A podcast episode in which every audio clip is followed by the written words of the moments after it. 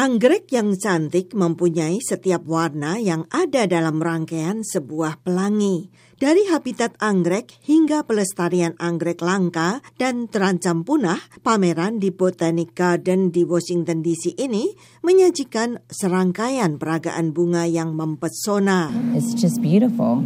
Seorang pengunjung Kelly McIntosh mengatakan, indah sekali. Maksud saya, ini benar-benar sangat mengagumkan. Ada 25 ribu jenis anggrek di seluruh dunia, mulai dari yang berwarna kuning dan oranye hingga merah muda dan ungu, serta banyak lagi. Juru bicara kebun raya Amerika di Washington DC, Devin Dodson mengatakan, really difficult to find orchids in almost any flower in actual blue Sangat sulit menemukan anggrek yang benar-benar berwarna biru. Ini adalah spesies yang ditemukan di Filipina, yang secara alami punya unsur warna biru. Hebatnya, anggrek ditemukan di setiap benua kecuali Antartika dan dapat bertahan baik pada suhu yang sangat panas maupun dingin.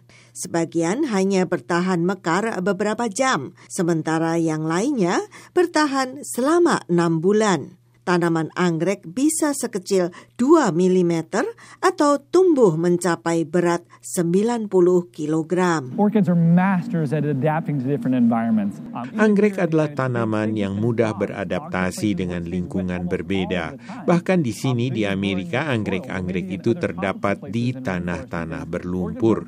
Tanah semacam itu adalah tempat di mana ia tetap basah hampir sepanjang waktu. Yang ini tumbuh di tanah, tetapi di tempat tropis lainnya atau di hutan tropis, anggrek tidak ditemukan tumbuh di tanah. The first orchid hybrids were created in England in 1850s. Um, Anggrek hibrida than 110,000 pertama dibudidayakan di Inggris tahun There's about 3,000 1850-an dan sekarang terdapat lebih dari 110 ribu anggrek hibrida yang telah dibudidayakan dan sekitar 3.000 anggrek hibrida baru diciptakan setiap tahun. Sementara anggrek terutama terkenal karena kecantikannya, anggrek juga digunakan secara luas dalam industri parfum dan sebagai obat di banyak wilayah Asia dan Timur Tengah.